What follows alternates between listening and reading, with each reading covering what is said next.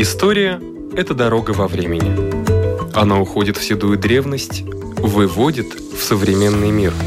Она показывает, рассказывает, объясняет. И не перестает удивлять.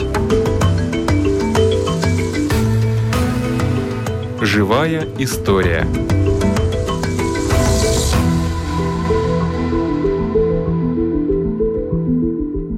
У микрофона Лидия Чера.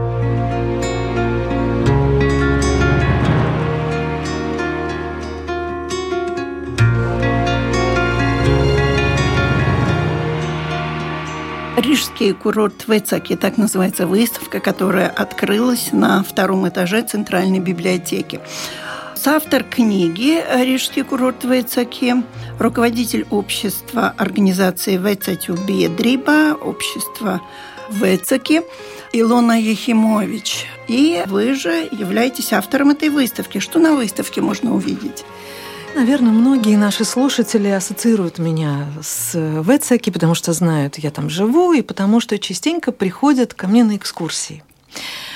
А в этом году так случилось, незаметно совершенно пролетело 10 лет, как мы организовали общество Вецеки с нашими соседями, с теми, кто когда-то мечтал выпустить книгу, готовил материал вместе, собирали все, открытки искали, искали свидетелей ушедших эпох. И кое-что нашли. Все это можно увидеть в книге. Книга есть в библиотеке Рижской центральной, конечно же. Книга издана на двух языках, на латышском и русском.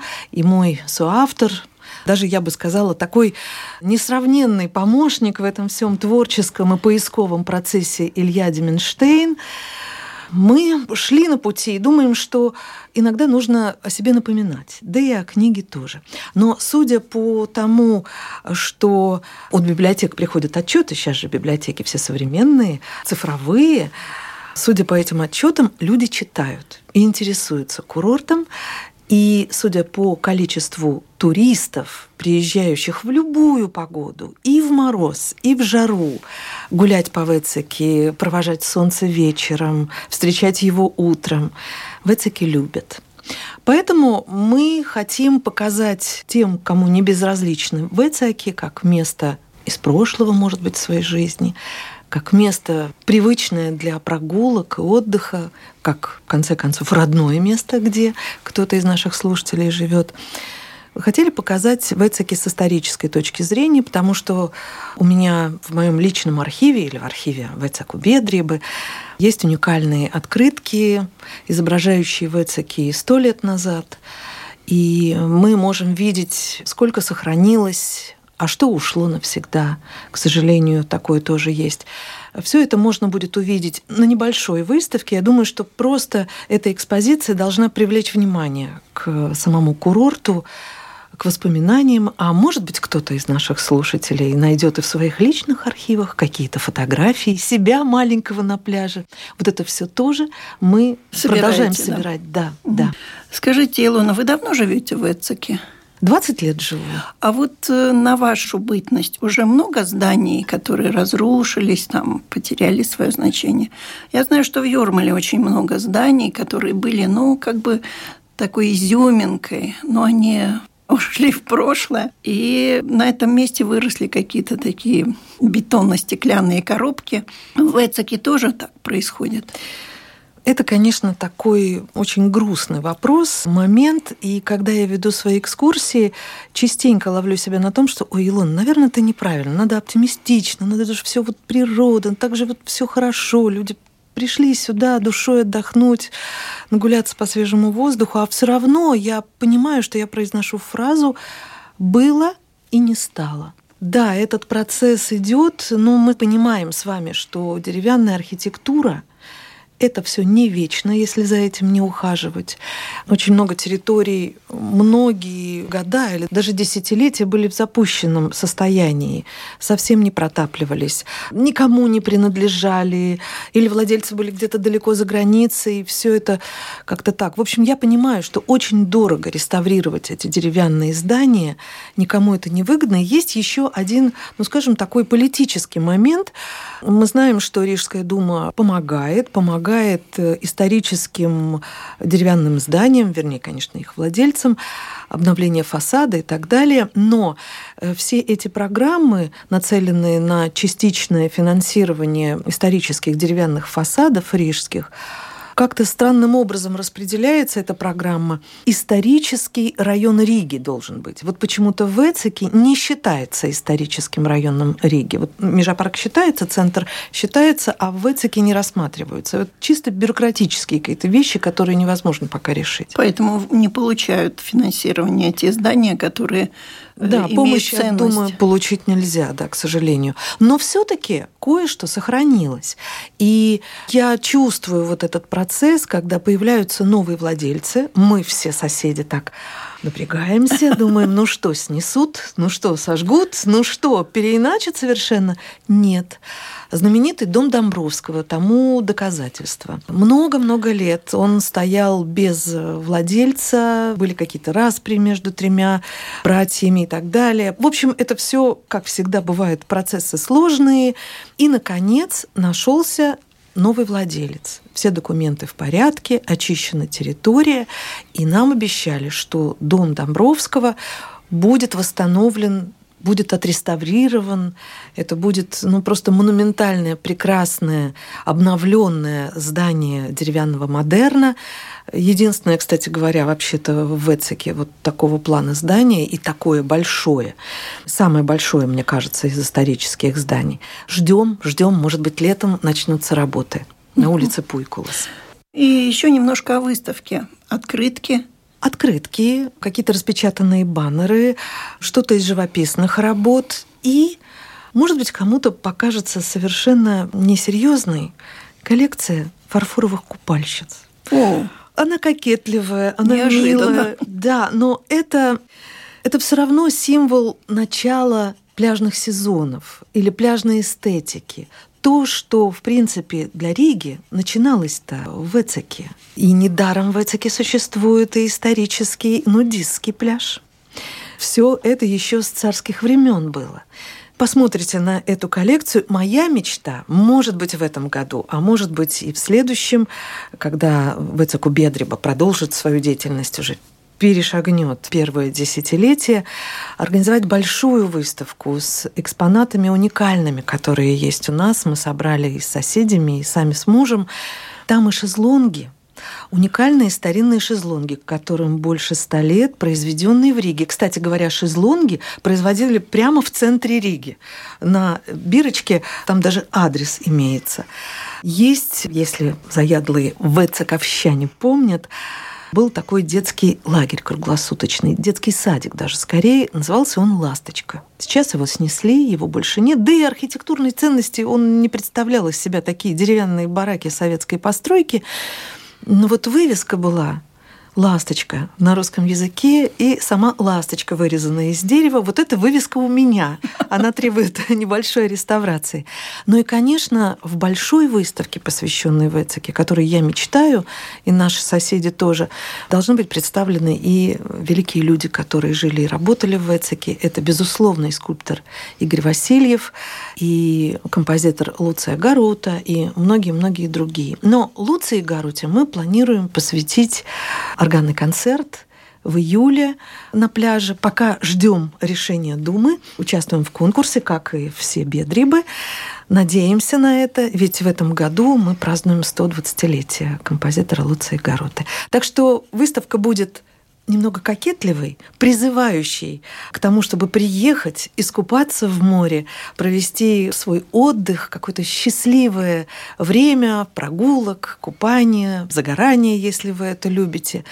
Ну а наши слушатели наверняка помнят во время строгого ковида, когда нельзя было ходить ни на концерты, ни в музеи, здесь на радио я придумала экскурсию по Вецеке, ведь по свежему воздуху мы сами с вами гулять всегда можем. Да. Из трех частей. Все это можно найти в нашем архиве. Я надеюсь, что этот материал можно использовать и в вашей программе сегодня. И я надеюсь. Теперь будем слушать уже готовые записи, которые сделала Илона Ехимович о Вецаке. Обычно свои экскурсии и прогулки я начинаю с железнодорожной станции Вецаки. Ведь это визитная карточка курорта. У каждого курорта есть место, по которому его сразу узнают. В Дзинтере это концертный зал, в Кемере – шикарная гостиница в виде корабля, в Эцике – вокзал. Он единственный, уцелевший на всей линии Рига-Сколты с довоенных времен. Остальные были разрушены во время последней войны или перестроены. Связать Ригу и Вецеки поездом собирались еще на рубеже 19-20 веков. Проектные работы вело Первое российское общество подъездных железных дорог. Не случись Первой мировой, идею бы обязательно воплотили. В те годы Лифляндия и ее столица бурно развивались. Власти независимой Латвии не стали откладывать дело в долгий ящик и в 1923-м поручили инженеру Янису Лейманису возобновить работы. Железнодорожную ветку предполагалось продолжить почти до самой эстонской границы – Руяны. Строиться собирались на частные средства. Но организатор работ Северо-Латвийское железнодорожное общество за три года не смогло найти ни одного инвестора. Правительство решило строить за госсчет. В 1928 году Сейм принял специальный закон. В 1929 приступили к работам. Прокладывать полотно от Риги не требовалось. Еще в 1872 году из столицы протянули ветку до Мангали. Новую колею предполагалось тянуть оттуда, длиной 139,5 километров. Одна из сложнейших задач – возведение моста над протокой Милгравис. Построили его за три года. В августе 33-го пошел через мост первый поезд. А 26 октября новая линия связала Ригу с Вецеки и Царниковой. Еще через 8 месяцев – Салкрасты, а в 37-м – с Руеной. Работы шли тяжело. Мировой кризис не обошел и Латвию. Привлекали безработных, но им нужно было платить. В 1931 году строители пикетировали кабинет министров, требовали денег. Средства нашлись, но стали экономить на инфраструктуре. Под строительство пустили старые железнодорожные рельсы, снятые во время реконструкции с других участков. Вместо каменных вокзалов соорудили деревянные. К тому же из бэушных материалов, например, из разобранных строений линий Даугавпилс-Ритупе. В Эцике повезло, возвели красивый просторный вокзал. Деревянные конструкции покрыли штукатуркой. Экономия экономией, но не ударишь же лицом в грязь перед курортниками. К тому же в те годы в Эцике рекламировали и в зарубежных рекламных проспектах. В 1935-м о нем рассказывалось в брошюре «Прекрасная Латвия», вышедшей на немецком в Лейпциге. В 1933 году, когда пустили поезд, Временной станцией служил железнодорожный вагончик. Вокзал в Эцике открыли в сентябре 1935 года. Сотрудник Музея Латвийской железной дороги Том Албертс говорил так – в архивах нигде не упоминается имя архитектора. Железная дорога строила за свои средства, поэтому считали, что имя архитектора не обязательно указывать, если, конечно, архитектор не знаменитость. В 1944 году части вермахта вывели из строя железнодорожную линию. Движение в Эцике и Царникову было восстановлено в 1948 а через 10 лет линию электрифицировали. До войны ходили не только пассажирские поезда – молочный для перевозки масла, экспресс для почты. Газета «Риц» писала в 1938 году, что по поставкам молока первое место занимает Царникова, которая в январе отправила в Ригу 1782 молочных бидона. В первые годы курсировали поезда до Руины и Саукрасты. Позднее конечная появилась и в Вецаке. В моем личном архиве есть летнее расписание поездов 1938 года Рига-Вецаки. В будни шло 7 поездов, в выходные праздничные – 10. Первый отправлялся на курорт в 6 часов 13 минут, а последний возвращался в 23.20. Из Вецаки рабочие дни ранее уходил в 6.38, а поздний в 22.10. Выходные же в 23.56. Поездка занимала 32-34 минуты. Почти столько же, сколько и сегодня. Хотя ходили тогда паровозы, а не электрички. Возможно, остановок было меньше. Всего на одну не было станции Вецдаугова. Раз в день поезд не останавливался и в Саркандаугове, и Дзирнупе, ныне Мангале. Но пассажиры выигрывали лишь минуту от обычного расписания. Некоторые станции именовались в 1938-м иначе. Земельблазма – Ринужи, Мангали – Дзирнупе, Браса – Брасла. Земельблазма появилась в 1939 году память об Августе Домбровском. Первый вокзал в Ринуже был бревенчатый, не раз перестраивался. Старый Саукрасский тоже можно увидеть лишь на довоенных открытках. Разрушили отступающие немцы. И только тот, что в Эцике, сохранил лицо и по-прежнему является достойной визитной карточкой курорта. Если судить по довоенным открыткам, уцелели почти все атрибуты – включая навес для пассажиров, вокзальные часы в металлической оправе. До войны в здании вокзала был газетный киоск, кафе, а в начале 90-х – пельменная. Пельмени там готовили по-домашнему. За ними специально приезжали из Риги. Пельменная, к сожалению, давно приказала долго жить. Даже билеты в здании вокзала теперь продают только летом. Кстати, именно в помещении бывшего кафе «Вассера» теперь, возможно, появится музей в Эцике. Но процесс создания музея долгий и дорогостоящий. Будем ждать и надеяться. А пока очные экскурсанты имеют возможность попасть внутрь этого исторического помещения и увидеть изнутри так называемую швейцарскую конструкцию с мощными балками и сохранившимися до наших дней металлическими болтами – Деревянные элементы и окна ждут реставрации. А мы продолжаем нашу экскурсию, отправляемся по центральной улице, ведущей от станции к морю. Это улица Плудмалес. Может, кто-то из экскурсантов, сделав несколько шагов по направлению к пляжу, вспомнит так называемый «грибок», пивной киоск, который снесли лет пять назад. Идем дальше, приближаемся к бывшему ресторану, затем магазину, известному местным жителям как магазин тети Розы. За этим объектом я обычно предлагаю повернуть направо, чтобы изучить с одной из сторон уникальное здание в стиле ар-деко, бывший ресторан «Алба», а ныне столовую детского летнего лагеря «Лассейте». Но прежде, пока мы с вами прогуливаемся, обращусь к исторической справке – а как развивался сам курорт?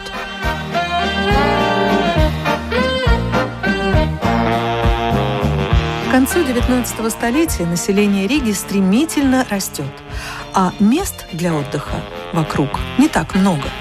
Парки? Ну, это уже скучно и банально. Все-таки тянет к морю. На Рижском взморье яблоку негде упасть. А душа просит покоя, идиллии и романтики – все это и нашел на побережье будущего курорта латышский промышленник и меценат Аугуст Домбровский. Он жил неподалеку, в Вецмилгрависе, и в 1897 году устроил в Эцеке экскурсию. Пригласил знакомых коммерсантов Андреса Домбровскиса, Яниса Каупинша. Компаньонам тоже понравилось. Вецекский лес в ту пору принадлежал российскому правительству, а за разрешением Домбровскис обратился в Петербург к министру сельского хозяйства. Ответ пришел на следующий год. В 1898 на новом курорте поднимается 30 дач. На первых порах землю под строительство сдавали в аренду от 10 до 99 лет. Купальня Вецекин по-русски называется Вецак – Читаем в адресной книге Рихтера за 1909 год. Находится на земле Магнусговского лесничества в пяти верстах к северу от Мюльграбена, Бетсмилгравис, и одной версты на восток от нынешнего впадения Западной Двины в море. 13 октября 1898 года было получено разрешение на открытие здесь купальни – Первую дачу построил рижский зубной врач Вестархиген.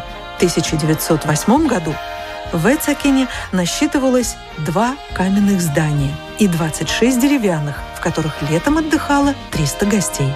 Путеводитель 1910 года по Риге и окрестностям под редакцией Петра Рудского пишет в последнее время заметно стала развиваться новая дачная местность Вецакен на Магнусговском взморье, расположенная в верстах в 15 от города Риги по правой стороне Западной Двины, при устье так называемой Старой Двины. Выстроено уже довольно много хороших и красивых дач. Имеется три пансиона и телефон. Учреждено общество благоустройства. Предположено устроить парк – Местность сухая, здоровая, сосновый лес, высокие дюны, удобное сообщение с городом на пароходе, почти ежечасно, езды около часа. Вообще, Лифлянский берег залива также начинает интересовать и общество, и правительственные сферы. Уже толкуют о продлении железнодорожной линии от Мюльграбина к Нейбаду, Саукрасты. Мюльграбен – это передовая гавань Риги – тоже развивается с каждым годом. Недавно в нем открыты мужская и женская прогимназии, устроенные Домбровским. О том, как жил дореволюционный курорт, свидетельствует и объявление в дореволюционных газетах. «Рижская мысль» выходившая на русском, 8 июня 1911 года на первой полосе публикует небрусскую рекламу. Вецакен нуждающимся в отдыхе и спокойствии весьма рекомендуется. В летних номерах за 1912 год расписание пароходиков, идущих в Вецеке. Пароходы отправляются из Риги по будням в 5, 7, 8, 9, 11 утра, в час 30, 3, 4, 5, 30, 7 и 8 вечера. По воскресеньям ежечасно с 8 часов утра до 9 часов вечера. Приглашают отдыхающих в пансионы. Вилла Валдорфин, Вецекен, купальное место Магнусгоф. Четыре минуты от моря. Читаем в номере за 16 июня 1912 года. Лесной парк, хороший уход при умеренных ценах, теплые морские ванны.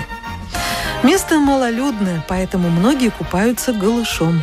Городские власти вынуждены даже принять специальные правила – в Матнусгофе, согласно новым обязательным постановлениям, купание с берега в районе казенной дачной местности разрешается лицам обоего пола во всякое время, но лишь в купальных костюмах, информирует «Рижская мысль» в разделе «Городская хроника». К 1914 году в Эцакине насчитывалось свыше 100 дач – Единицы сохранились до наших дней. Судить о былом можно и благодаря старинным открыткам. Издавать их начали незадолго до войны для рекламы курорта. Это сегодня земля тут на расхват, а тогда желающих было немного. Открывающимся пансионам давали звучные названия. «Вилла Мария», «Северный полюс», «Лесной покой». Кстати, курорт уже тогда вполне мог стать зимним. Было где погулять, покататься на лыжах, коньках – Одна незадача – сложно попасть сюда. На Рижское взморье давно бегали поезда, а сюда еще тащились пароходики. До открытия железнодорожного сообщения оставалось почти два десятилетия. И зимой поселок фактически оказывался отрезанным от столицы. Добраться до города можно было только по льду Даугава. Известный краевед, соавтор книги «Рижский курорт Вецаки» Илья Деменштейн, однако расскажет о своих любимых маршрутах еще очень красивое поэтичное место в Вецеке. Это не центр поселка, а подбрюшье курорта улица Звейс. Небольшая улочка, она тянется вдоль одного из рукавов Вестаугова. Вот как раз на этой улице была дача Карлеса Себриса. Там когда-то с родителями жил юный Игорь Васильев. По улице Звейс можно выйти к морю через улицу Велову. И, кстати, на улице Звейс конюшня Ирис. Интересное место. Кстати, вот эта конюшня была в этом месте еще до войны проводили праздник мисс Вецеки. По рассказам старожила Вецеки, мисс Вецеки была наездница, ее звали Марта. Жила на этой улице и была связана с довоенной конной фермой. Я забыл сказать еще об одной вещи. Там был один из первых в Латвии нудистских пляжей. И в 20-е годы там появилась какая-то табличка, да, что вот просто там людей не было, людей было мало, да, поэтому любители э, отдыхать там, загорать голышом, значит, ездили туда. Вецки находится на территории Приморского парка, и сегодня там много очень зеленых уголков. Я, например, люблю гулять по морю, мой излюбленный маршрут, от Вецики до Мангельсалы, до маяка. Народа немного. Можно по лесу идти, можно вдоль моря. В общем-то, настоящая природа подышите этим воздухом великолепным. Посмотрите на так называемые Юросварты, морские ворота. Даугава, э, Лелупы, море. Великолепно. Очень красивые места.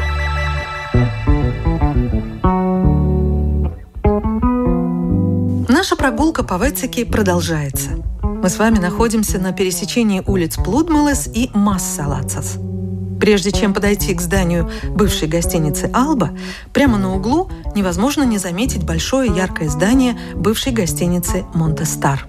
Говорят, что это место пользовалось в свое время не лучшей репутацией, а в годы Второй мировой войны здесь располагалась секретная школа Абвера. Но пора подойти и к прозрачному забору Албы. Когда-то это было шикарное место с рестораном и баром. Во дворе был фонтан, летом здесь стояли столики, устраивались танцы, залюмбалы в сопровождении оркестра. Примечательные полукруглые бетонные лестницы, ведущие в зал ресторана на второй этаж. Ресторан назывался «Северный полюс», а владельцем гостиницы был Зигмунд Колмец – нам надо обойти этот участок с другой стороны, чтобы увидеть, как хитро устроено здание. С одной стороны холм дюны, а с другой впадина, где, собственно, мы с вами сейчас и побывали. Именно здесь, в центре двора, и располагался фонтан.